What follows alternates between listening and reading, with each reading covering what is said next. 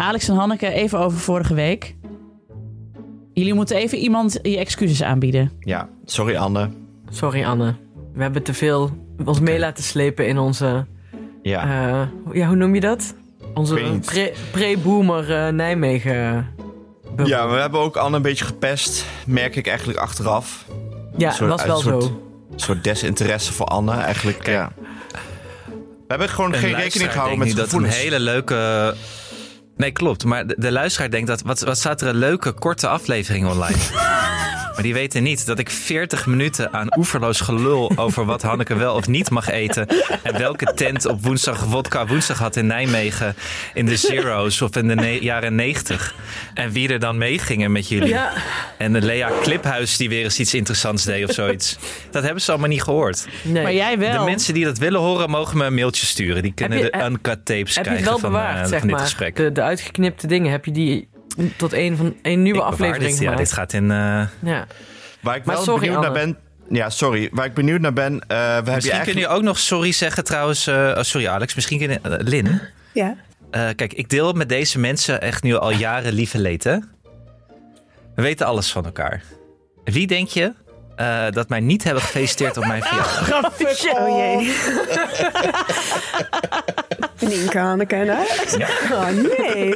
Wanneer was je jarig? Hè? Wanneer was je jarig? 19 februari. Jij hebt me ook niet gefeliciteerd. Ik ben door niemand hier gefeliciteerd Ja, op mijn maar Anne, verjaardag. je moet ook wel zeggen dat je jarig bent. Nee, Zet dat ik je was achteraf. Ik heb, de dag Hanneke, daarna. ik heb aan het eind van de middag gezegd... jongens, ik was jarig Heb ik je vandaag. toen nog steeds niet gefeliciteerd? Ja, toen. Jawel. Maar het Oh. had vooraf gemoeten. Zit je op Facebook? Oh, Ja, maar Anne, geef even toe. Je Ja. deed het er ook om. Je Jij deed dit is het ook. erom. Anne Jans is een optima forma. Gewoon. Dit doen ze, dit doen ze dus altijd. Hè? Dit is victim blaming, is dit, hè? Hoor je dit? Victim blaming, gaslighting. Gaslighting, victim blaming. Echt een Nienke de Jong in optima forma weer dit, hoor. Jij, maar jij Meteen er terugslaan. ook van om die- vier uur middags ons te eh, hebben. Nou, sorry Anne. Ja. Ik hoop dat de slagroomtaart die we je postuum hebben gestuurd nog lekker was. de macarons. De macaron. Denk je dat ik taart heb gehad? Ja? Nee. Nee? Oh, weet je, weet je trouwens wat ik wel had gehad? Ik kreeg opeens, eh, er stond een postbode voor de deur met een pakketje.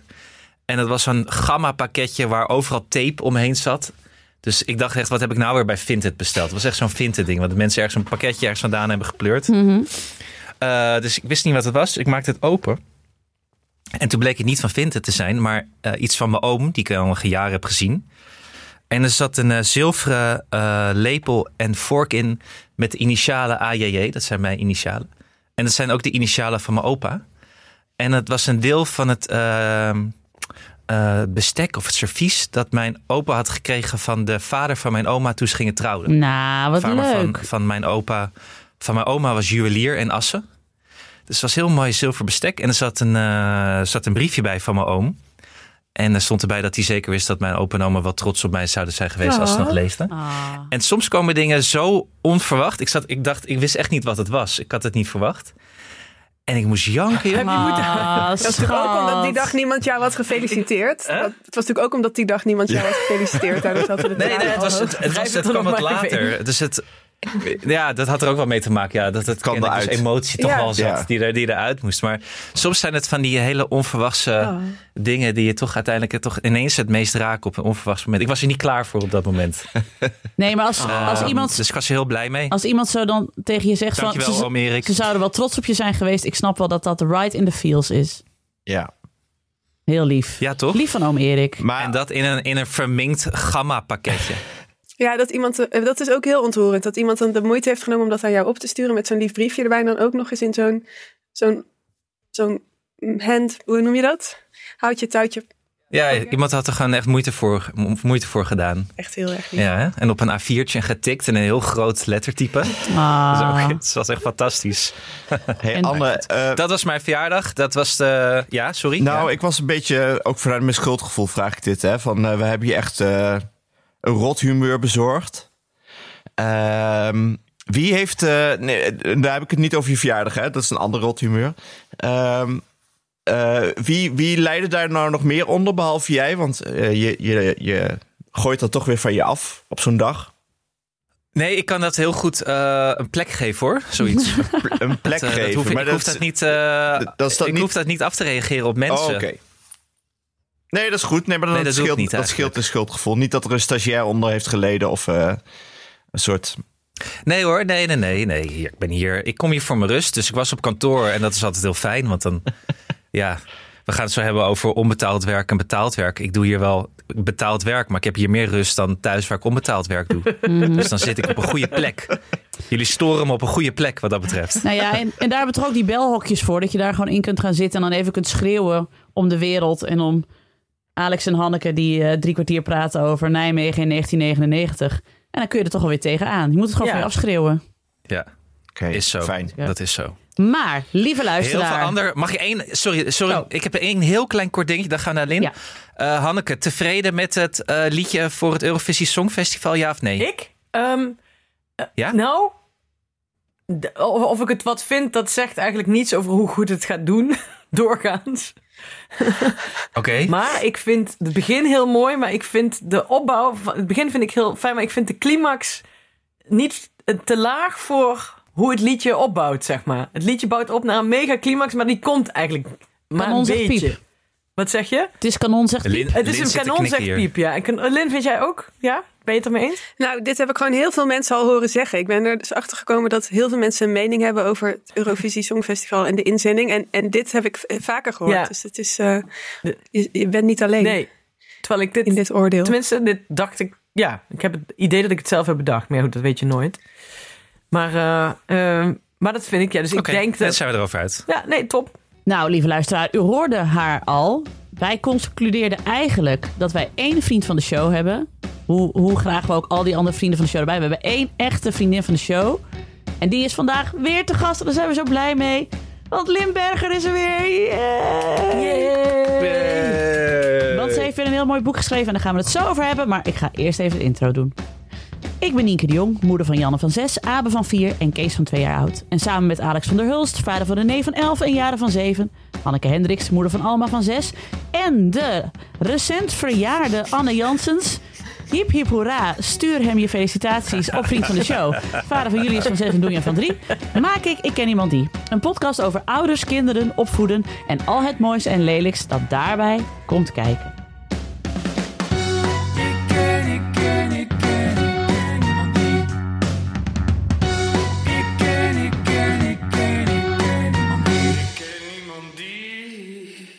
Ja, Hanneke houdt het boek al omhoog. Lin, je hebt weer een, een, een boek geschreven, een pamflet. En het heet Ik werk al, ik krijg er alleen niet voor betaald. Nou, koor op onze molen. dus we zijn heel blij dat je erbij bent. Maar laten we bij het begin beginnen. Hoe gaat het met je? Eh, ja, het gaat wel goed. Het boek is eh, twee weken. nou, boekje. Het is echt een klein boekje. Eh, je hebt het uit in een treinreis. Dat is een beetje de, eh, de, de lengte. Eh, maar dat is twee weken geleden verschenen. En dan is er best veel. Zijn er allemaal media dingen. En dan is alle, je rooster anders dan normaal. Dus dat vind ik dan heel vermoeiend. Dus ik ben wel een beetje moe, maar het gaat. Maar, maar wel blij. Ja, want je moest alweer de degens kruisen met Sander Schimmelpennik, zag ik. De onvermijdelijke. Ja, het was wel onvermijdelijk, hè?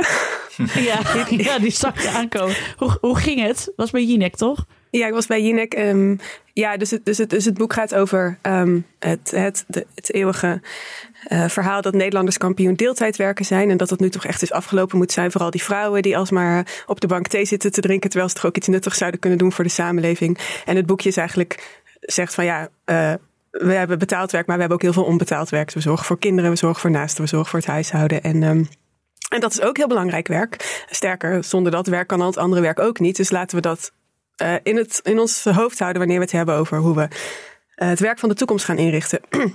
Maar goed, zodra je iets over deeltijd zegt, dan moet je dus inderdaad langs Sander Schimmelpenning. Ook zodra je iets over vrouwen in het algemeen zegt. Ehm, dus dat had Jinek Als je drie keer, drie keer deeltijdwerk noemt, zeg maar, dan kraait er een haan. En dan komt Sander Schimmelpennik aan. Ja, er staat ineens naast je. Dat is heel raar, ja. Moet je maar eens proberen thuis. Uit het Ja. niks. Ja. Die, die had op zondag nog 90 kilometer gelangluifd in, eh, in, eh, in Zweden.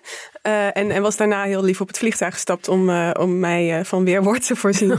Ehm, bij, eh, bij Jinek. Dus dat was heel aardig van hem. En, eh, en het ging op zich wel goed. eh, want ja, ik heb denk gewoon wel een helder verhaal.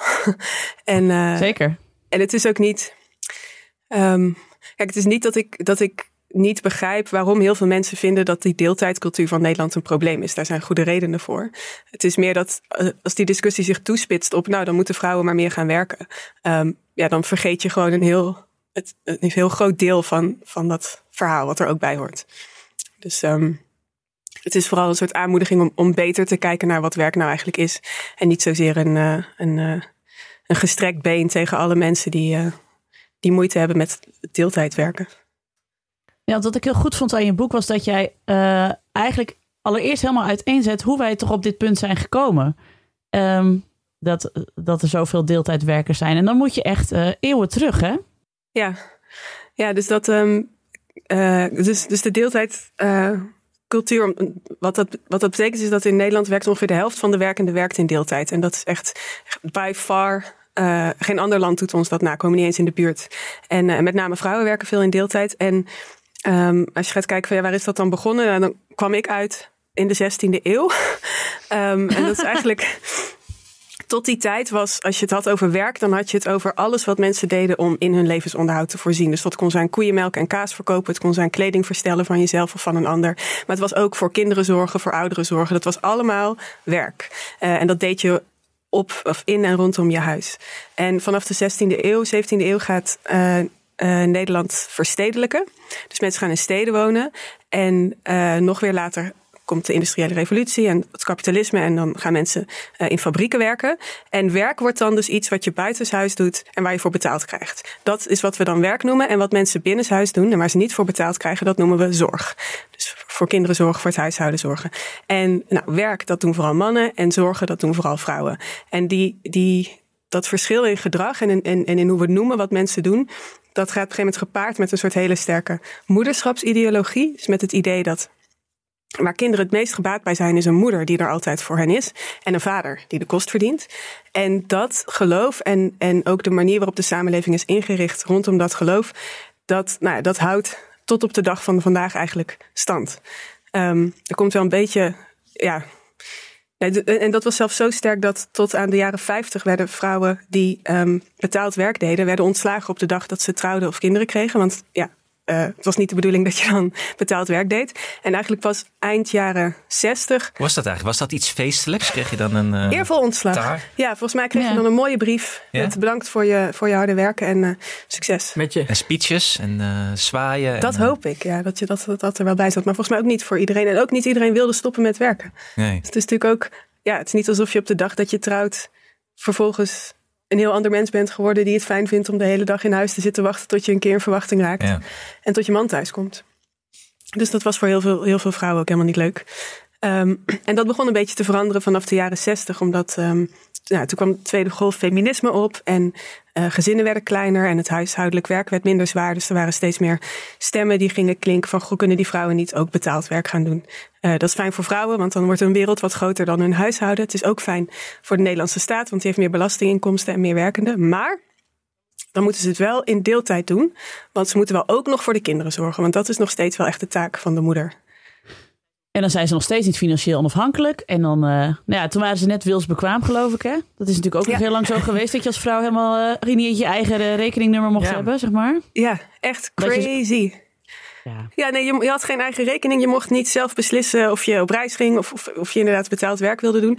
Je kreeg dan wel huishoudgeld, maar dat mocht je alleen besteden aan je huishouden. Ik kwam een, een verhaal tegen van een rechtszaak waarbij een vrouw had uh, van het huishoudgeld een lot voor de loterij gekocht. En daar had ze geld mee gewonnen. En van dat geld had ze een piano gekocht. En vervolgens was de vraag van wie is die piano? En toen besliste de rechter, nee, die is niet van jou, die is van je huishouden, want je hebt het lot betaald met huishoudgeld.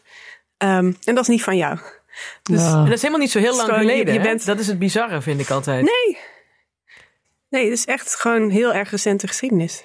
Mhm. Want Ja, wij kennen denk ik allemaal wel die verhalen uit je eigen familiegeschiedenis van eh, oma's die niet, die eh, op hun veertiende wel moesten werken en daardoor niet konden doorstuderen. En zodra ze trouwden weer mochten stoppen. En eh, de rest van hun leven, ja, maar frantic buitenhof zaten te kijken om aan een intellectuele eh, voeding te komen, zeg maar. Dit is mijn eigen en oma trouwens veertien kinderen grootbrengen. Of, uh, Ja, Ja, en ik moest ook lachen om je, om je voorbeeld om je voorbeeld van IJsland, dat die dames daar Ja. in 1975 dan collectief het werk hebben neergelegd. Wat stond er nou? Ja. 90% van de Ja. vrouwen ging staken. In alles. Ja, dus dit, dit was dus die, die, dit, dit is dus die tweede golf feminisme. En vrouwen die gaan zeggen, joh, wat wij doen eh, doet ertoe. Ons werk doet ertoe. Ons betaalde werk, maar ook ons onbetaalde werk. En om duidelijk te maken hoe belangrijk dat werk is dat wij doen, gaan we er voor een dag mee stoppen.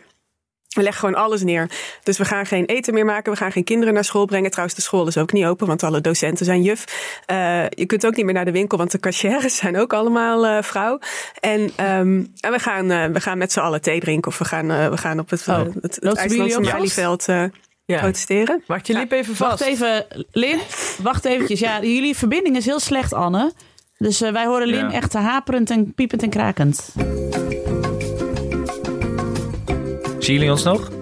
Ja, we zien jullie Ja. wel, ja. Ja, Maar die beeldkwaliteit is ook niet zo sterk Nee, hoor. haperend. Ik zeg, in het echt vind ik jullie knapper. nog knap. Kan het. Nog knapper. Zelfs bij 108 pixels vind ik jullie nog mega heet, maar het kan beter. Nu is het wel iets beter. Ja, dit is beter. Ik weet niet Ja. wat je deed, Anne. Maar nu zien we je heel. Nu is het beeld heel scherp. Ja, en jullie klinken goed. Ga dichter naar de wifi-router toe. Oh jongens, zijn we in 1975? Moet je moeder bellen met een vriendin. Moet je weer van de lijn. Toen ik een keer voor stage in Nieuw-Zeeland zat, dan schreeuwde mijn moeder ook altijd heel hard in de horen. Omdat ze dacht dat, dat ik het anders niet kon horen aan de andere kant van de dat het zo Ja. ver weg was. Oh, dat mijn moeder dan zei, ja, je mag eventjes op het internet, maar zometeen belt tante Els. En dan wist je, ah, fuck. In een uur niet, want die belde altijd minstens drie kwartier. Mijn moeder kan namelijk niet korter bellen dan drie kwartier. Dus dan wist je, fuck, drie kwartier niet Winter 92 spelen. De- Maar dat doen moeders. Ik had net mijn moeder ook aan de lijn. En ik zeg, ik heb, mam, ik heb heel weinig tijd. Want ik heb 10 minuten en dan moet ik een, heb ik een deadline om 10 uur. Ze zei, ja, ik hou het kort. Nou, weet je wie dood is? Zo begon het. Nee. Noem ze iemand die ik echt een neef die ik, van haar, die ik helemaal niet ken. Die vroeger hadden bij ons Hier de komen we zo Nee. op. eh, Hanneke, dit is jouw mentale mantelzorg. Ja, precies. Ja, Nu belt ze jouw broer weer. Hanneke heeft nooit tijd voor mij. Ja, dat is waar. Ik heb het allemaal niet verteld, maar eh, Henk is dood. Henk, weet je nog wie Henk is? Die heeft ons Hanneke moest weer gedaan. werken. Ach, het is een schat. Het is een schat. Ik ken, ik ken, ik ken hey, jongens, ik kijk uit het raam hè, en ik dacht ineens: het is maart. Terwijl het sneeuwt hier een beetje, natte sneeuw, sneeuwregen, weet je wel, nat, koud, handschoenen aan. Maar ik dacht, nou is het bijna lente, maar ik ben even aan het denken met die tuin. Weet iemand hoe dat. eh, moet dat nou net voor de lente of net na de lente begint, bedoel ik? Of nu? Je kunt toch niet een spade in de grond steken als er nog vorst aan de grond is? Of nou ja, heeft iemand een idee? Ja, nou, ik heb wel een idee. Volgens mij had je ook in het najaar al wat dingen in de grond kunnen stoppen. Maar is er dus nu ook heel veel wat je kunt doen. Maar ik weet daar het fijne niet van. Ik hoop daar ook hulp bij te krijgen. Want ik heb wel dingen in de voortuin in de grond gestopt. Maar ook eigenlijk te laat, niet doorvertellen aan de bloembollen. Ehm, maar de achtertuin is echt een woestenij. Het enige waar ik mijn hoop op heb gevestigd zijn de verbena's van vorig jaar. Voor de rest gaat het echt weer een zootje worden. Dus ik heb hulp nodig. Ja, ik heb dus ook nodig hulp. Want eh, de, de kat heeft dus de achtertuin ingepikt als nieuwe uitgebreide kattenbak. Overal waar grond is, is nu eh, kattenbak. Dus eh, er moet iets gebeuren en snel. Jongens, kijk, eh, kijk nou even in het schema met de sponsors. Die maakt Til niks voor niks. Hè? En voor de lunch had ze al het derde Red Bull blikje op. Dus als ze het fout doen, ben ik bang dat ze me een wedgie gaat geven. Gelukkig worden we gered door Sprinkler. Wist je dat op bijna alle tuinplanten die je koopt bij tuincentra, bouwmarkten en supermarkten chemische bestrijdingsmiddelen zitten waar insecten aan dood kunnen gaan? Ga daarom voor biologische planten die zijn gekweekt zonder gif en zonder kunstmest. Sterke wortels, geen kastplantjes. Zo help je ook de insecten waar het zo slecht mee gaat. Bij jou vinden die bijen straks echt wel een veilig plekje. Dus ga naar sprinkler.co. Dat is S-P-R-I-N-K-L-R.co. Dus niet .com, nee .co. Voor iedereen die wil bijdragen met zijn tuin aan biodiversiteit. En gelukkig helpt Sprinkler net wit zoals ik en Nienke en Alex en Anne bij tuinieren. Eh, ze hebben beplantingsplannen, hè, dus dat je weet wanneer je wat, waar, wie en hoe in de grond kunt proppen.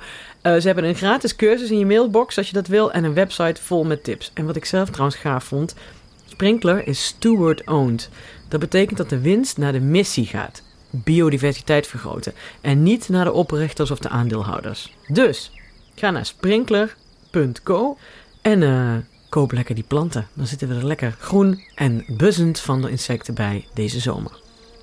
Terug naar de uitzending. Ik ken, ik ken, ik ken, ik ken iemand die. Ik ken iemand die. Anne, had jij een. eh, hoe, hoeveel onderbroek had je mee op vakantie? Oeh. Nou, ik, eh, kijk, op, op zo'n zwemvakantie neem ik er toch wel minder mee dan op een reguliere eh, trip. Omdat je, het- ik loop voornamelijk een zwembroek. Ah, En dan hoef je geen onderbroek aan. Terwijl er staan natuurlijk ook een hoop jeugd die onderbroeken aandoen bij zwembroeken. Maar die trend heb ik nooit helemaal begrepen. Nee. Eh, maar ik had eh, de Bamigo's lagen als eerste in de koffer, kan ik je vertellen. aha. Ja? En één aan voor in het vliegtuig, hè? Want dit vliegtuig Ja, ja, ja. lange zit. het vliegtuig is ook een beetje warm en zo. Ja. Dus dat is helemaal fijn om dan even een Bamigootje aan te trekken. Ja, maar nu gaat het dus weer over jullie onderbroekjes, eh, vrienden. Oh, pardon. Ja, maar ik bedoel, eh, wij hebben shirtjes gekregen, Han. Ja, ze zitten echt. Ik had sowieso een super mooie blauwe, dus daar heb ik ook weer eens wat kleur aan. maar, maar ze zitten super fijn. Ze zijn echt eh, fris en warm tegelijk. Ja, ik weet niet precies. Niet zo zweterig als dat je soms hebt. Dus het is eh, ja, top. Ja, ik, ik gebruik die voor mij als, als wel als slaapshirt. Want ik heb dus een mannenshirt gekregen. Wat ik ook prima onder een colbertje aan kan hoor. Maar het is dus ook een heel fijn slaapshirt. Ik weet niet of dit is wat je wil horen. Maar ik vind dat het luistert nogal nauw bij mij. Waar ik in Maar, wij slaap. hebben, maar wij- Doris heeft ook een paar onderbroeken gekregen, maar die trek ik dus ook aan. Dat is dus ook wel een beetje een probleem hier in het huishouden. Maakt Zijn jullie uit. eh, slapers met shirts aan? ja. Eh, ja. Oh, oké. Ja, Hanneke zelf sokken, hè, dat weten we. Maar Ja. Amigo heeft nog geen sokken. Maar als ze die hebben, stuur ze op naar. Hanneke. Ja.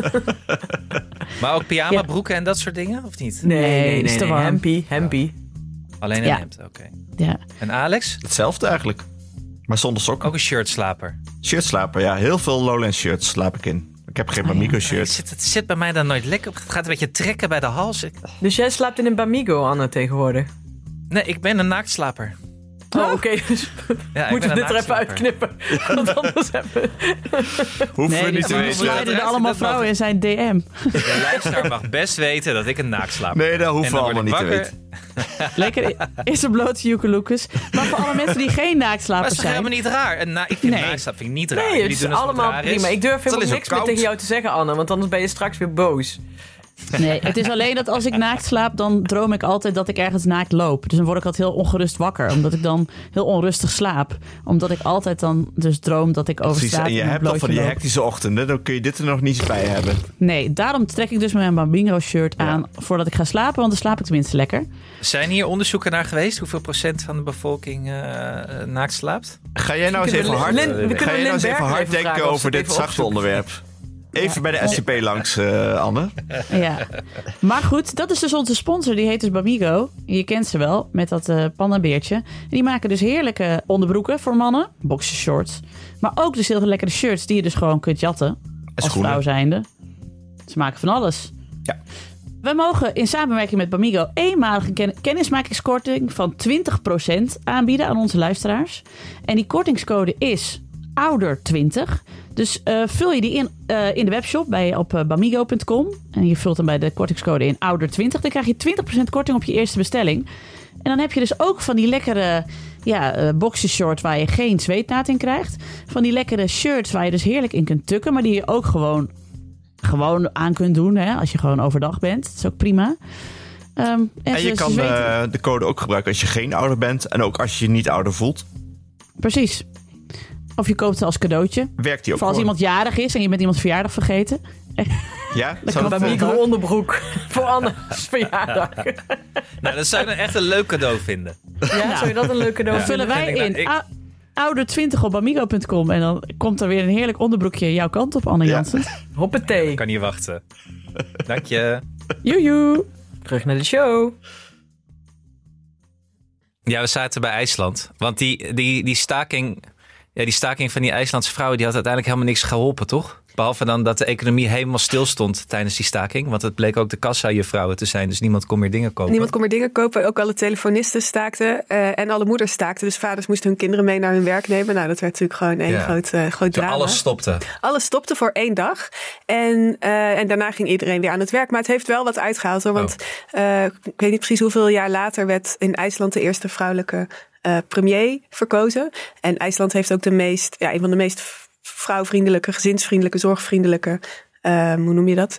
Wetgeving van, eh, van Ja. de wereld. De, de laagste loonkloof. Oh ja? Ja. Kijk, Maar Lin, dit was niet Kijk. eh, Kijk die aan. Women Strike for Peace eh, eh, staking.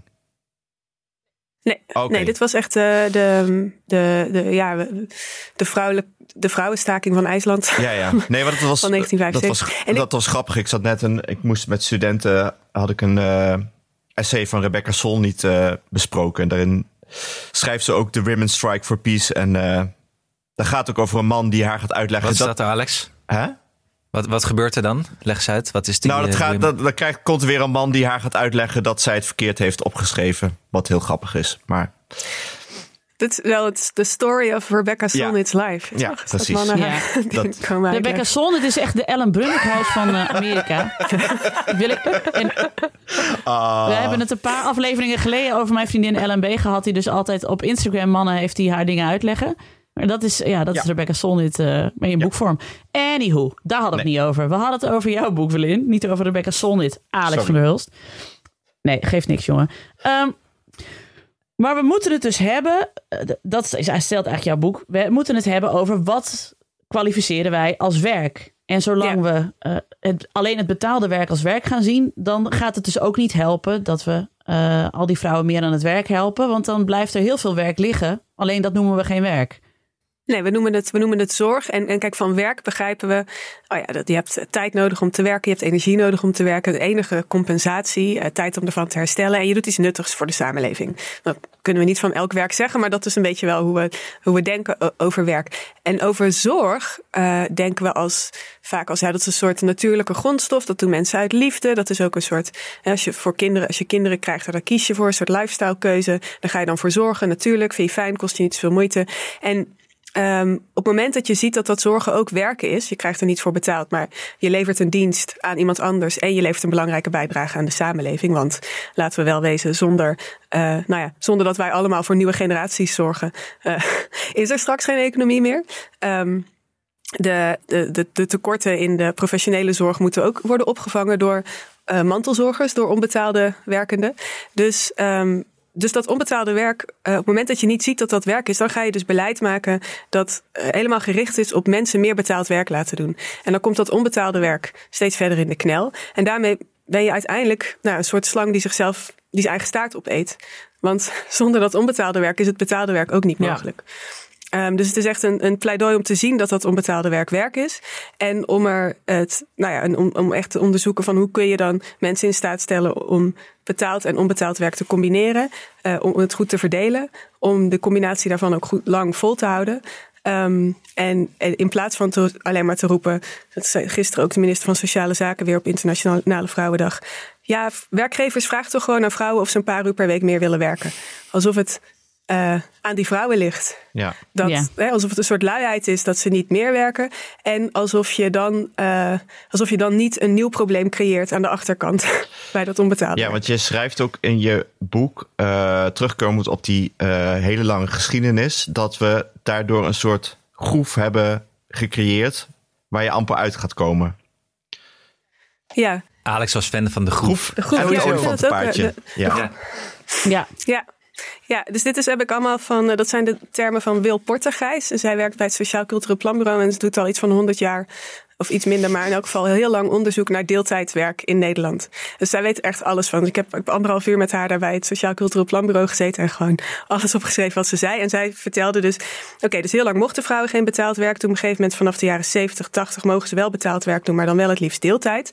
En eh, vervolgens is eigenlijk de hele samenleving ingericht op een voltijdwerkende man en een deeltijdwerkende vrouw. En hoe, hoe is de samenleving daar dan op ingericht? Nou, school duurt tot half drie in de middag. Eh, ouders worden gevraagd om te komen helpen. op school. Eh, kinderopvang is niet een soort universele basisvoorziening die net zo vanzelfsprekend is als school, maar het is echt een arbeidsmarktinstrument. Dus wij vangen jouw kind op zodat jij betaald werk kan doen. Ehm, vrouwen hebben langer zwangerschapsverlof eh, en bevallingsverlof dan mannen, enzovoorts, enzovoorts, enzovoorts. Dus er zijn allemaal systemen gecreëerd die, die, de, die het in stand houden dat ehm, mannen voltijd werken en vrouwen deeltijd. Dat is echt de groef waar we in zitten. En ze zei, ik kan wel proberen om het anders te doen. Maar dat is een beetje als op de, op de hei naast het olifantenpaadje gaan lopen. Zo van, nou, ik ga, ik ga wel gewoon daar door die hoge prikkels. En zei, ja, dat hou je even vol. En uiteindelijk zit je toch gewoon weer op dat geëikte pad. Dat is de groef. En we zitten klem. De vrouwen in de deeltijdsklem. Ja, Maar mannen zitten ook klem. ja die zitten in een voltijdklem. Dus Ja, dat, want die moeten zorgen dat er genoeg geld is voor eten op tafel. Ja, want dat is vaak, vind ik, in die discussie over deeltijdwerk, dan wordt, er dus, wordt het dus ehm, op een soort, ja, dat het zielig is voor vrouwen. Zeg maar, of vrouwen zijn lui of ze zijn zielig. Want Ja. ze lijden onder het feit dat ze niet financieel zelfstandig zijn enzovoort. Maar mannen, en dat zei, vertelde ook Wil Portugijs, die daar ook onderzoek naar heeft gedaan. Die hebben, kijk, vrouwen hebben last van een moederschapsideologie en een deeltijdklem. Maar mannen hebben last van een vaderschapsideologie. Die toch nog steeds tegen mannen zegt: jouw taak is genoeg geld verdienen voor het hele gezin. Dat noemen onderzoekers dan de kostwinnersdruk. Dus dat je echt het idee hebt van ja, ik, ik kan niet. Dat hebben ze ook onderzocht. Dan als, op het moment dat vrouwen trouwen, dan hebben ze het idee van, nou, ik kan ook wel wat minder betaald werk gaan doen. Of in elk geval, ons gezinsinkomen hangt niet alleen van mij af. Als mannen gaan trouwen, denken ze juist, nee, ik kan echt niet stoppen met werken. Want ik moet zorgen Ja, dat er genoeg geld geld. uh, binnenkomt. Alex, heb jij dat ook? De kostwinners eh, druk? Nee, ik zat de laatste te denken, ja, dat heb ik wel hoor. Eh, ik heb het in, in de andere forum, want ik zat er laatst over te denken. Ik weet niet hoe ik erop kwam. Ik zat waarschijnlijk iets te kijken waarin, het, eh, waarin ik merkte dat eh, voor mannen eh, of voor vaders vooral afwezigheid de norm is. Dus Ja, aanwezig ja. zijn eh, in huis is, eh, ja, is gewoon raar. En, en ook eh, soms vervelend of zo. Maar eh, eh, en ik heb ook het idee dat, het als, als je het, dat je het niet te veel moet laten zien als man. Dat je veel in huis aanwezig bent. En het ligt er ook aan in welke sociale kring of in welke bubbel Ja. je zit. Ja, Want in onze bubbel is het helemaal niet gek dat eh, ik evenveel werk als Doris. Maar ik merk wel bij het schoolhek dat het bij sommige mensen wel anders is natuurlijk. Dat er, Ja. Ja, maar on a, on a positive note. Ik was dus afgelopen maandag stond ik hier eh, eh, op school. Want we hadden een bakwedstrijd. Heel Montessori bakt. En er waren 300 kinderen. Er zitten 300 kinderen bij ons op school. Er waren 100 taarten gebakken. I kid you not. En ik dacht, ze hadden gevraagd van... kunnen er op 11 uur even wat mensen komen helpen snijden? Want die taarten moeten ook gesneden worden. En ik was toch thuis aan het werken. En Janne was in de stress over de cupcakes. Die nog Ja, versierd ja. moesten worden. Ik zei, ik kom wel eventjes. En toen kwam ik daar en die hele gemeenschappelijke ruimte stond vol met ouders. En ik zag ineens, het was echt 50-50. Er waren en vaders en moeders. Dus blijkbaar hebben we allemaal op maandag onze thuiswerkdag. En ik hoorde dus ook, de, er hadden ook alleen maar jongens gewonnen. Die hadden allemaal als een mania, maniak staan bakken. En de winnaar had ook met zijn vader gebakken. En toen dacht ik, dit is de future. IJsland, een soort IJsland is- volle. En nou echt, maar dat is, maar dat is dus de Montessori swo- school in Zwolle-Zuid. Wat echt... Ja. Ja, witter en hoogopgeleide Nee, krijg je het niet. Want hier zeg in, het dorp, in het dorp Dus dat- keken ze met, de- met de carnaval wel gek op. Toen Doris dan... Wat kom jij doen? Ja, ja ik, ben de, ik kom de Ranja inschenken. Hij was hij de Ranja-juf. Ik zou dat eigenlijk Ja. doen, maar ik kon niet. Dus toen heb ik Doris gestuurd. Dat is ook grappig. Ik zou het eigenlijk doen. Er zitten altijd alleen maar vrouwen in Ja. die groepjes. Ja. Maar wat ik wel, eh, ik, daarom weet ik weer waarom ik erover dacht. Ik zat, eh nou, eh eh, zijnoot. Ik zit, ik weet niet waarom, ik zit een golfserie te kijken op Netflix over professionele golfers. Nee, maar het heeft wel, ja, sorry, maar het heeft wel, wending dit. Maar ja, dit ja. heeft wel, eh, heeft wel nut voor het Je verhaal. moet weten, Alex was eerst de boeddhistische omroep aan het bingen. Maar dit is kennelijk... eh, Dit is de volgende stap. ja, dit is de Ja. next level dit. ik kan me best Alex voorstellen is, dat het heel meditatief is. Ja. Het duurt Ja. best lang, toch? Golf. Nee, nee, nee. Het gaat eh, namelijk over de professionele golfers. Daarom heeft het ook wel Ja? nut voor het verhaal. Ja, vertel. Ehm, het gaat over Amerikaanse professionele golfers, wat een grappig wereldje is eh, trouwens. Maar eh, daar is dit jaar of vorig jaar is een enorme revolutie gaande. Er is een, namelijk een nieuwe golfliga. en dat is een Saoedische golfliga. Live Golf heet dat. Waarin ze aan het sportswa- sportswashen zijn, zoals gewoonlijk. Ze beginnen een nieuwe sport, eh, golftoernooi eh, met Saoedisch geld. eh, met heel veel geld. En ze trekken alle grote golfers daarheen. Eh, en het gaat echt om tientallen tot honderden miljoenen. En dan zeggen die, krijgen ze heel veel kritiek van waarom ga je daarheen? Je hebt al zoveel gewonnen in Amerika. En dan zeggen die mannen, ja, dit is het beste voor mijn gezin. Maar je moet weten, dat zijn mannen dus die al continu afwezig zijn. Ja, ja, ja. Want ze, ze vliegen in hun privéjet van het ene naar het andere golftoernooi. Eh, en dan zeggen ze, ja, ik ben nu 40. Op dit moment is dit het beste voor mijn gezin. En betekent dus dat ze bovenop hun eh, 500 miljoen eh, eigen eh, vermogen... nog eens eh, 500 miljoen krijgen om eh, veel minder te golven. En er zit vaak nog een vrouw naast te knikken. En denk ik, oké, dus dit is het eh, ook culturele beeld van wat die man moet doen... is eh, inderdaad heel veel geld verdienen en afwezig zijn. Want dat is zijn rol. Eh, maar dat is Ja. ook wel de rol die eh, dus de cultuur... eh, sowieso bij sporters en beroemdheden van... ja, de man die is afwezig en verdient heel veel geld. En dat moet hij blijven doen. Eh, in plaats Ja. van met pensioen te gaan en nog twintig jaar voor zijn kinderen te zorgen... eh, kiest hij ervoor om nog meer geld te verdienen en nog meer afwezig te zijn. En dit was gisteren ook op tv. Zo- Ik weet niet of jullie dit documentaire over Patrick Lefevre gisteren hebben gezien bij België. De eerste aflevering. Nee, maar ik, kan hem uittekenen. succesvol Belgische Ik, snap ongeveer waar je Ja. naartoe gaat. Ja, vertel. Nou ja, die is natuurlijk. Ja, die wielrenners die, die zijn altijd op pad natuurlijk. Die, Ja. en, en die zitten in de auto en die eh, doorkruisen heel eh, Europa. Maar ze hadden dus de zoon van die wielerbaas ook in de, in de, in de documentaire. En dat is een beetje een halve tamme. Volgens mij is hij niet helemaal eh, oké. Eh, Wat dacht je? De groef, het geitenpaardje en de halve tamme. Een halve tamme. Maar ik, kan me ik heb een levendig het beeld was bij Ja. wat je bedoelt. Ja. Nou ja, het was wel, was, wel, was wel vrij sneu. Want die vertelde inderdaad ook hoe, dat hij het zo vervelend vond dat zijn vader zo vaak afwezig was. Ja. En ik vond het wel goed dat hij Ja. erin zat in die Ja. documentaire over die man om dat te Maar vertellen. de man van, de man van eh, Rihanna wordt nou toch ook uitgelachen als hij de kinderen draagt. Terwijl zij in een, eh, een net heeft opgetreden voor de Super Bowl. Dat is toch ook onbestaanbaar eigenlijk? Dat heb je nou nog nooit, hoor je Het nooit. 2023. Ja, het is Ja, 2023. maar het is dus, het is dus inderdaad ook in België en ook, en ook in, in Nederland. Jouw, jouw grote eh, eh, vriend eh, Bas Smit, eh, Anne, die eh, moest vanwege... Oh, host. Wat? Oh ja. ja, dit is ook een verhaal. Ja, vertel het even, Alex. nou, zijn, mijn zijn, vrouw, eh, zijn vrouw had een, eh, moest met de gipslucht terug. En plotseling moest Bas Smit allerlei dingen doen in het gezin. Wat een gedoe. Nou doet Nicolette toch wel veel. Nicolette doet toch wel Ja. veel, ja. Hij, ja, Nicolette deed Oh, toch wel nee. veel. En hij kreeg ook meteen cadeautjes van zijn eigen dochters, omdat hij zo goed voor ze had gezorgd. Oh, wat erg. Ja, dat ik echt heel erg. Nee, maar het, Maar- het We is dus ook in Nederland zo. maar- Lin- Laat Ja, laat staan het woord, het woord. verdomme. Nee, ik wil nog even, ik wil nog één, even aanhaken bij het golf en het wielrennen. Want ik las laatst een studie over wat voor hobby's hebben mannen en wat voor hobby's hebben vrouwen. En mannen zijn dan dus, mannenhobby's is zeg maar golfen, wielrennen, trainen voor een marathon, vissen. Zeg maar dingen waarvoor je gewoon lang van huis bent. En wat zijn de hobby's van vrouwen? Tuinieren, bakken, eh, breien. Dingen die je gewoon lekker thuis kan doen. Kunnen de Oh, kinderen ja. kunnen meedoen. Ze kunnen je de hele tijd onderbreken. Zeg maar, die groef die zit echt in alles. Dat is echt... Nou ja. Ja. Alex heeft ook wel eens toegegeven dat hij dan gaat wielrennen en dan met een, telefoon met de batterij op 3%, zodat hij niet gebeld kan worden. Dit heeft hij jaren geleden een keer Ja, is ja, wel ja, waar. zeker. Dit is wel waar. Nee, maar ja. je zegt van... eh, Inderdaad zie je af en toe eh, positieve lichtjes in Zwolle. Maar die groef is nog wel eh, hardnekkig eh, diep, hoor. Heb ik het idee. Ja. Ja, en, en, en dus, dus heeft het. En dan heeft het ook niet zoveel zin om te zeggen: Goh, kunnen die vrouwen niet een paar uur per week meer werken? Alsof dat een soort iets is wat, ze zomaar, wat je zomaar los van dat hele systeem waar je in zit kan besluiten.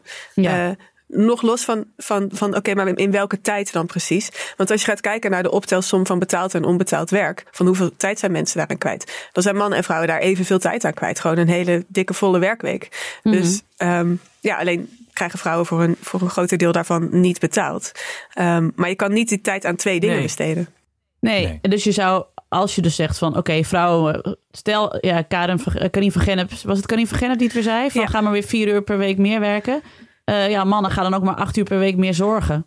Weet ja, je? precies. Dat wordt Ja. dan nooit er, automatisch naast gezet, zeg maar. Nee, eh, kunnen mannen dan niet wat meer gaan zorgen? Eh, kan de kinderopvang dan niet een universele basisvoorziening worden? Kunnen we voor scholen dan niet sluitende dagarrangementen hebben met een warme maaltijd?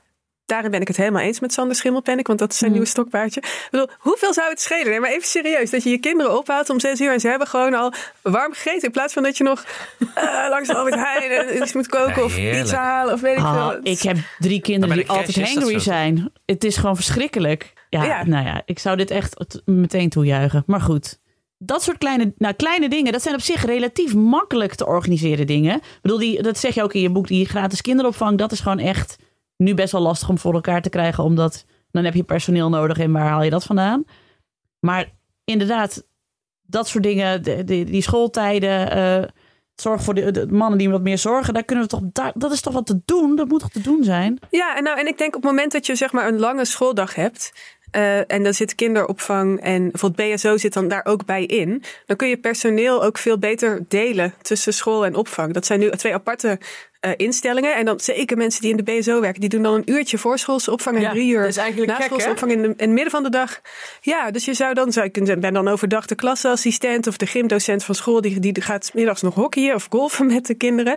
Ehm, dus dat zijn op zich echt wel dingen die je kan veranderen. Alleen, eh, ja, het vergt wel een soort ja, regie. En, het, en ook een soort idee bij de overheid dat dat ook een collectieve verantwoordelijkheid is. In plaats van dat laten we aan de markt, dat laten we aan, eh, aan de mensen aan de keukentafel. Dat, is een, dat lossen ze zelf wel op.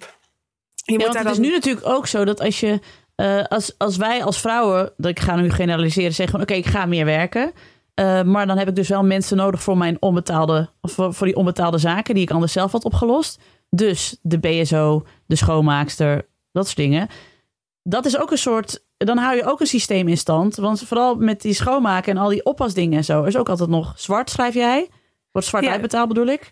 En dan worden weer mensen die, die leven dan weer onder het bestaansminimum omdat, eh, omdat ze zwart bijklussen om mijn werk te doen wat ik eigenlijk had gedaan als ik er normaal voor gewaardeerd Ja. zou worden. Of ja, hoe moet ik het Ja, zeggen? ja, nee, het is, ik, ik vond een foldertje uit de jaren eh, 80, waarin de overheid dan aan vrouwen uitlegt wat ze moeten doen als ze betaald werk willen gaan doen. Dus zo schrijf je een sollicitatiebrief en dit soort banen kun je aandenken. En er stond dus ook, ja, de vrouw die wil gaan werken, zal wel maatregelen moeten treffen voor haar klussen, eh, voor, voor, voor de zorg voor haar kinderen. Je kunt denken aan een crash of opa en oma of oppas.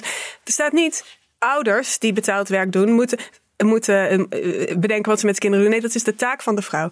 En dus vrouwen zijn die, die die maatregelen gaan treffen door het uit te besteden aan vooral andere vrouwen. En dan inderdaad de schoonmaker en de oppas die dan zwart worden betaald en nou ja, nergens tegen verzekerd zijn enzovoort. Maar ook eh, medewerkers van de crash is natuurlijk ook, wat is het, 95% vrouw. Ook niet de hoogste salarissen, wel een hoge werkdruk. Ehm, dus er is geen herverdeling tussen mannen en vrouwen. Er is een soort, eh, ja, een soort piramidespel. waarbij vrouwen aan de top het soort. eh, of ja, ja, de top of in het midden soort naar beneden schuiven.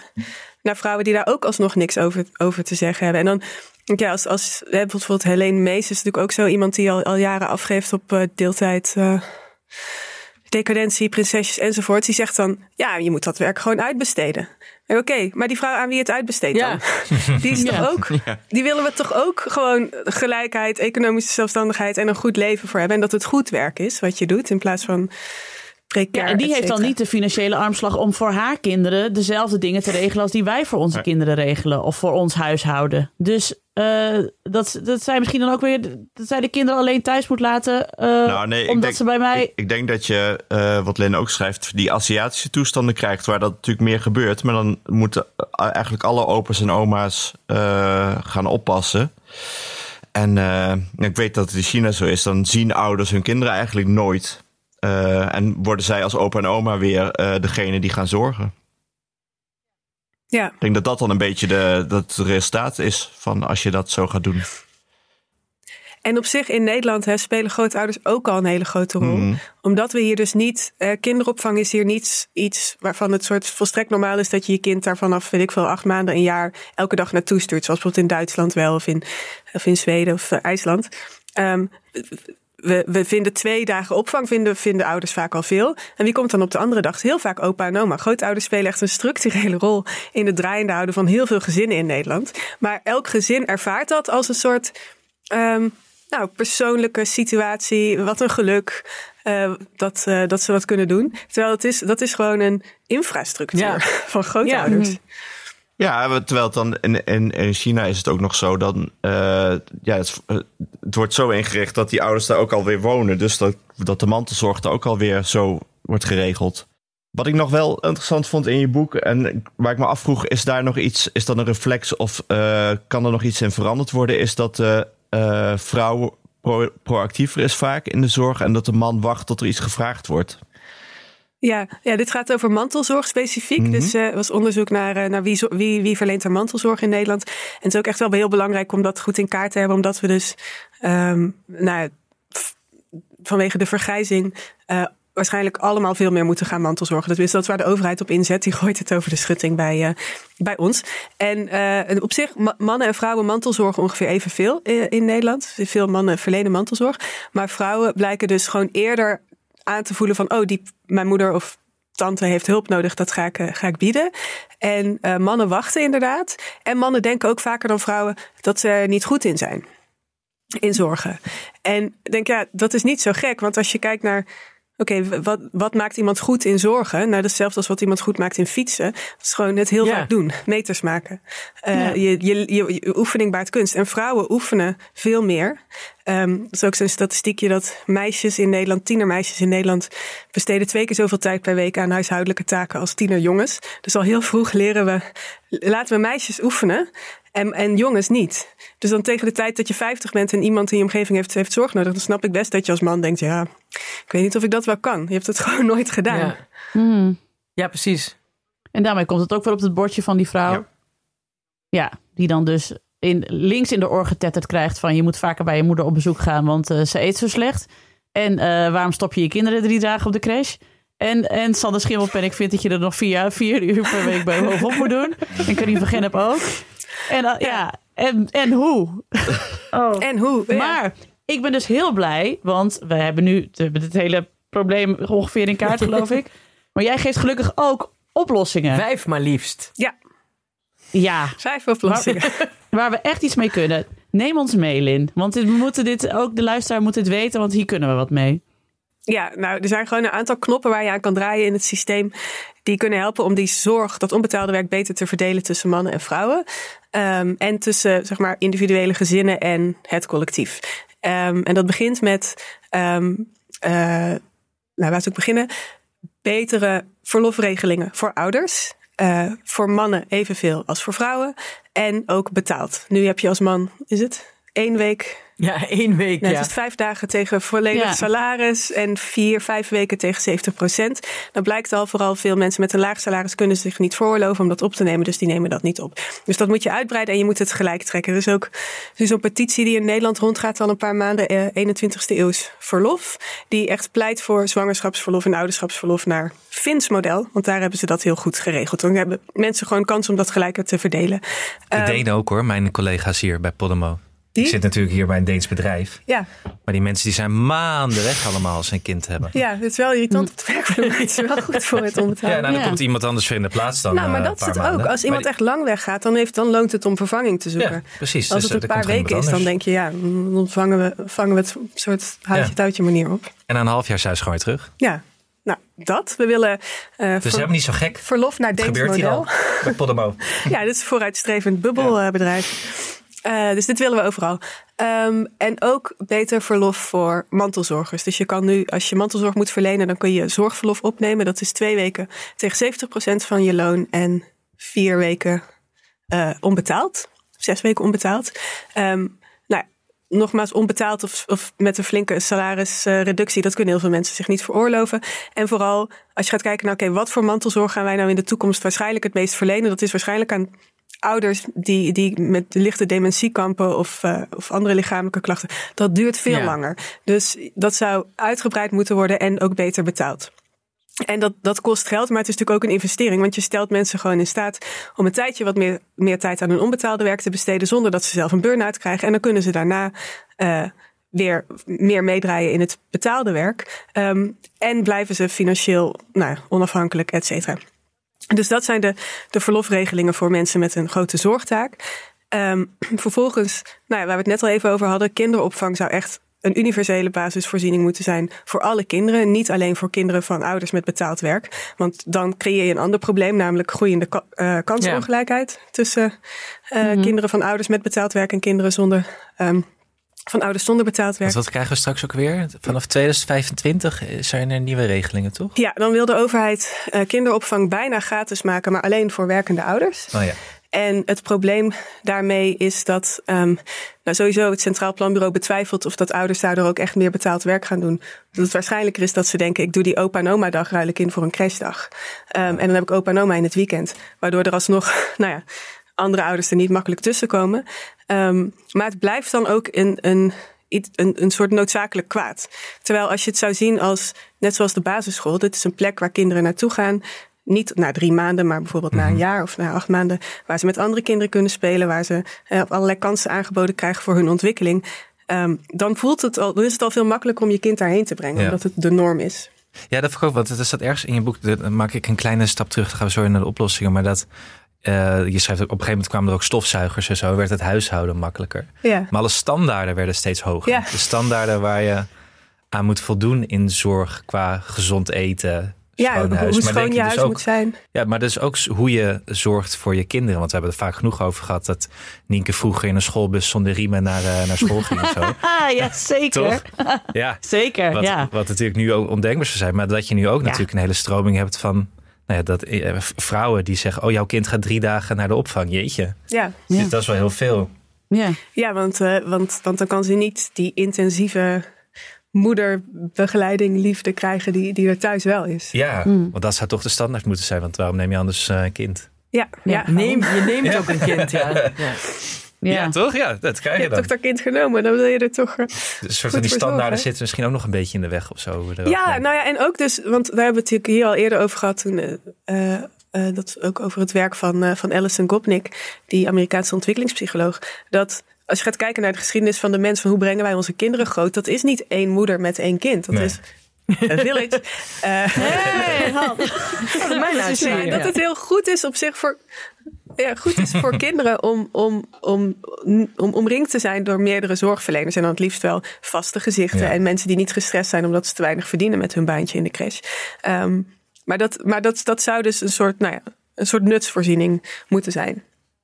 Ehm, en het derde, eh, zijn we al bij drie, nou, dit is eigenlijk vier, is, ehm, kijk, iedereen zegt van we moeten meer betaald werk gaan doen, maar eh, misschien moeten we wel minder betaald werk gaan doen, of in elk geval eh, efficiënter gaan werken. Ja. En dan kunnen we de werkweek inkorten, Ja. Eh, maar wel met behoud van voltijds salaris. En het stond van de week nog in het FD over een groot experiment dat hiermee is gedaan in Engeland, maar ook in Zweden en in IJsland is hiermee geëxperimenteerd. Zijn bedrijven gaan kijken, oké, de werkweek van 40 uur of van vijf dagen, die proppen in vier dagen.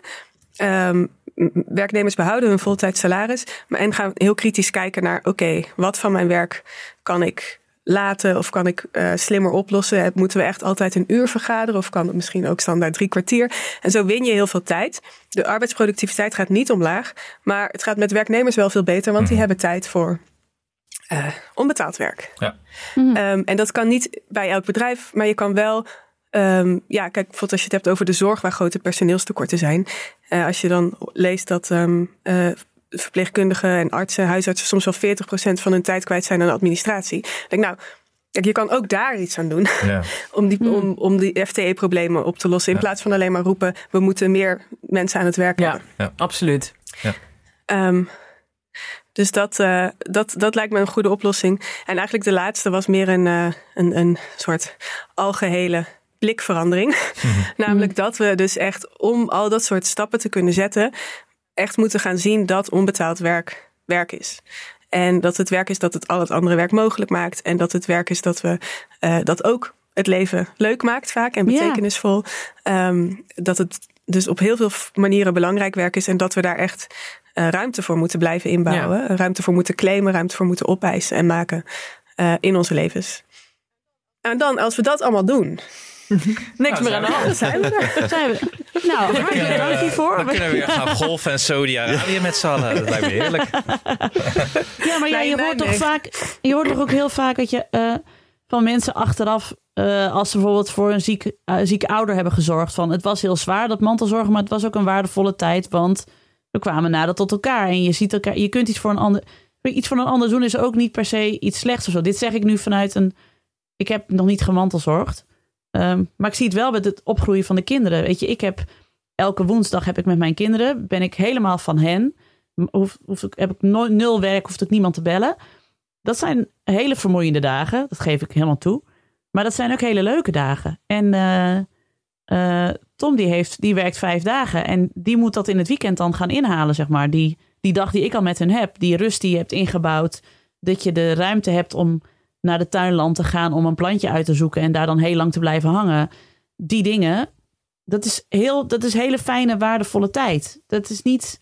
Dat zou ik mannen ook gunnen. Mannen die vijf Ja. dagen per week lopen te buffelen. omdat ze denken dat ze dat moeten doen. Dat is zo. Ja, Ja. waarom? Kijk naar Alex, zeker. hoe zen en gelukkig hij is. Zie hem daar zitten? Nou, waar ik... Hou eens op met lachen, Anne. Waar ik aan dacht... eh, eh, eh, waar ik ook wel een beetje aan moest denken toen je dat schreef... is dat... ehm, en waar ik überhaupt vaak aan denk... is dat heel veel mensen nu eh, eh, denken... of hun, eh, sowieso hun verleden... een soort melancholie hebben naar een verleden dat helemaal niet heeft bestaan. En dus denken vaak van, ja, nee, vroeger zat mijn moeder altijd klaar met de thee en koekjes toen ik thuis kwam. Dus moeten mijn kinderen dat ook hebben. Zoals ze ook zeggen, je moet deze boeken lezen en deze muziek luisteren. Want daar werd ik vroeger gelukkig van, terwijl het hartstikke gedateerd is. Ehm, is, dat een, is dat ook niet een beetje een gevaar dat we daar ook een beetje van af moeten? Jij schreef ook, niet ieder gezin is een, een veilige, gelukkige plek waar kinderen eh, fijn eh, wonen. Dus... ehm, Ja, zeker. Nee, ik ben me de laatste tijd aan het verdiepen in het werk van eh, family abolitionists. Dus dat zijn mensen die willen het gezin afschaffen. Ehm, eh, vanuit, vanuit het idee van we hebben, we hebben zo in ons hoofd dat he- het gezin de plek is waar, waar kinderen eh, alles kunnen krijgen wat ze nodig hebben om eh, gelukkige, stabiele volwassenen te worden. Waarin iedereen genoeg heeft aan elkaar en gelukkig is. En dat is nou, sowieso een mythe, want ehm, om kinderen groot te brengen heb je veel meer nodig dan een gezin, minstens een heel dorp. Maar ook, heel veel gezinnen zijn helemaal niet fijn en eh, eh, zijn niet een veilige plek voor kinderen. En zeker dat beeld van, nou, mijn moeder zat altijd thuis te wachten met thee en koekjes. Ja, de vraag is, is het als, of alle moeders daar heel gelukkig van werden. Nou, waarschijnlijk niet. Ehm, dus de, de, ja, het, ons, ons idee over wat een gezin is en welke functie het vervult, dat is, zit, zit ook in zo'n groef. eh, die denk ik eerder kwaad dan goed doet. Maar niks ten nadele. van- Ik bedoel, ik hou van gezinnen. Maar eh, we hebben er wel een soort ideaalbeeld van. Dat er niet strookt met de werkelijkheid voor de meeste mensen. Nee, en volgens mij dat ideaalbeeld waarom- dat je van vroeger overhoudt, dat is ook een beetje wat je. Dat het een cultuurding is, inderdaad, en geen natuurding, dus van moeders. Maar dat is, Nee. dat, die conclusie hebben Ja. wij nu ook al getrokken. Dus het is nou ook zaak van om het voorbeeld te nu te leven, zeg maar, voor die kinderen die nu klein zijn. Dat, dus ik denk dat het Ja. echt van belang is dat die zorgtaken inderdaad ook een. dat je die, dat je die dus een deel terugschuift. Of terug, ja, heen schuift eigenlijk naar. eh, je ma- partner, als die, eh, je man, je man, als die niet genoeg doet. En dit klinkt zo stom. Ik Ja. heb hier nog een, ik heb een anekdote van afgelopen zondag. Wij waren hier, eh, Tom was hier ook. eh, en, want we hadden een hele drukke dag en iedereen liep tijd in en uit. En Tom had gezegd, ik kook wel. Nou, dat gebeurde. Oh jee. Het was, is niet, dat Sorry. Is, Lin, dat gebeurt bij ons thuis niet vaak. En het was Tom dus echt... Hij kan nasi ook met geitenkaas sorry, Dat gemaakt, ook. Nasi met geitenkaas. Hij met ging spaghetti Ja, nasi met maken. geitenkaas. Oh. Want eh, Kees en ik gingen naar het theater, dus wij waren later thuis. Tom zei, ik doe het eten wel. En ik zat dus met een wijntje aan de keukentafel te praten over Nijntje de Musical. En Tom was aan het koken. En Jan en Abe hebben, I kid you not, wel vier keer gevraagd... maar mama, waar ga jij zo dan naartoe? Ik zei, ik ga nergens naartoe. Ja, maar waarom kookt papa dan? Ik zo, omdat hij eerder thuis was. Ja, maar moet jij dan nog weg? Ik zei, nee, ik hoef niet weg. Echt zo ging het. Ik zo. Dus ik had- en het was zo confronterend en toch ook wel lachwekkend... dat ik dacht, ja... Zo Maar had dit er dus niet eh, meer mee te maken dat ze gewoon, af, ah, gewoon absoluut niet het eten willen vreten? Huiverend. Ja? Huiverend ze daar. Dat is, ik heen, weet niet of dit ga je heen. cultureel Laat bepalend ons niet is. Alleen zitten met het culinair eten. bepalend, eh Nienke. Hij maakte, Ja. gelukkig, hij maakte gelukkig spaghetti en dat is redelijk foolproof natuurlijk. Hè? Ik bedoel, zolang je er geen Ja, geitenkaas god, ja. bij gooit, ben je oké. Spaghetti alla dat- Noma. Dat zou was ook ook, zeggen van nasi, maar goed. Ja. dat was ook prima spaghetti, moet ik zeggen hoor. Oké. Dat was prima Oké, spaghetti. nou zie. maar dat was heb een eh, constatering. ik heb nog één vraag voor, eh, voor Lin.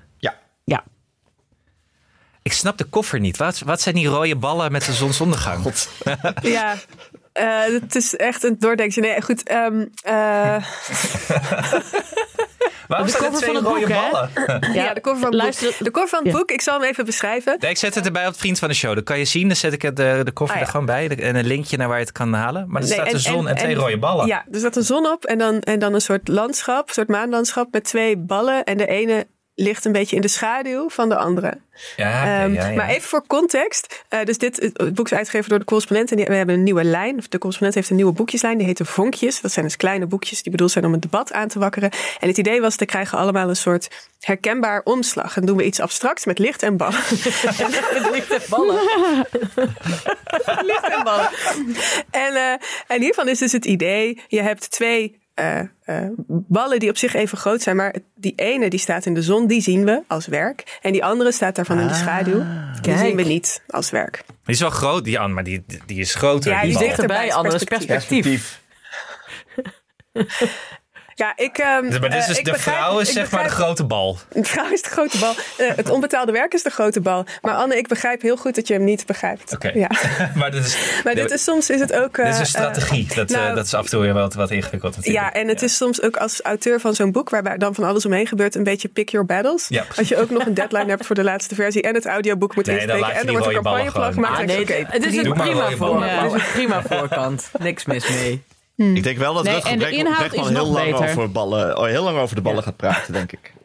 Maar ik denk, ik denk weer dat het net zoals bij zorg is. Eh, koop er een voor jezelf, koop er een voor je broer, buurman, Zeker. vader, partner. Doe het wel Even, cadeau. even tegen eentje. ons je vrouwen wethouder, gericht, je, je minister. Ja. Stuur er een op naar Sander Schimmelpenninck. Nou, dat hoeft niet meer. Maar eh, nee, ik ben, Lin, echt onwijs bedankt voor dit, eh, dit interessante boek. Echt, gaat allemaal lezen, lieve luisteraars. Ik heb er weer heel ik wil veel die van mij ook wel doorgeven. Als er een luisteraar is die, hem, eh, die het wil lezen, ik eh, stuur hem gewoon voor je op de post. Inclusief ezelsoortjes. Ja, maar wel met Dat ezelsoortjes. is sorry heel leuk, daarvoor. toch? Andermans ezelsoortjes. Ja, Ik heel Vind leuk, ik ja. heel leuk. Ja. Dus als er een luisteraar is... eh, eh, Degene ik met de meest originele felicitatie voor Anne krijgt een boekje, eh zijn boekje cadeau. Ja, heel goed. Lin, onwijs bedankt dat je er was. Dat je weer met ons wilde Ja. praten. En tot Jullie het ook. volgende boek.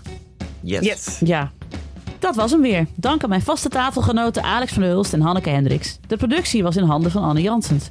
De montage is gedaan door de getalenteerde Jeroen Sturing. Mocht je ons iets willen vertellen, heb je een tip of een vraag of een opmerking? Kom dan naar onze Vriend van de Show pagina. Voor een klein bedrag kun je vriend van de show worden, waardoor je ons de gelegenheid geeft om nog meer mooie afleveringen te maken. En dan met vier personen in plaats van twee. Sorry. Op Twitter heten we @kennymandie en ons mailadres is ik@dagennacht.nl. Dank voor het luisteren en tot de volgende.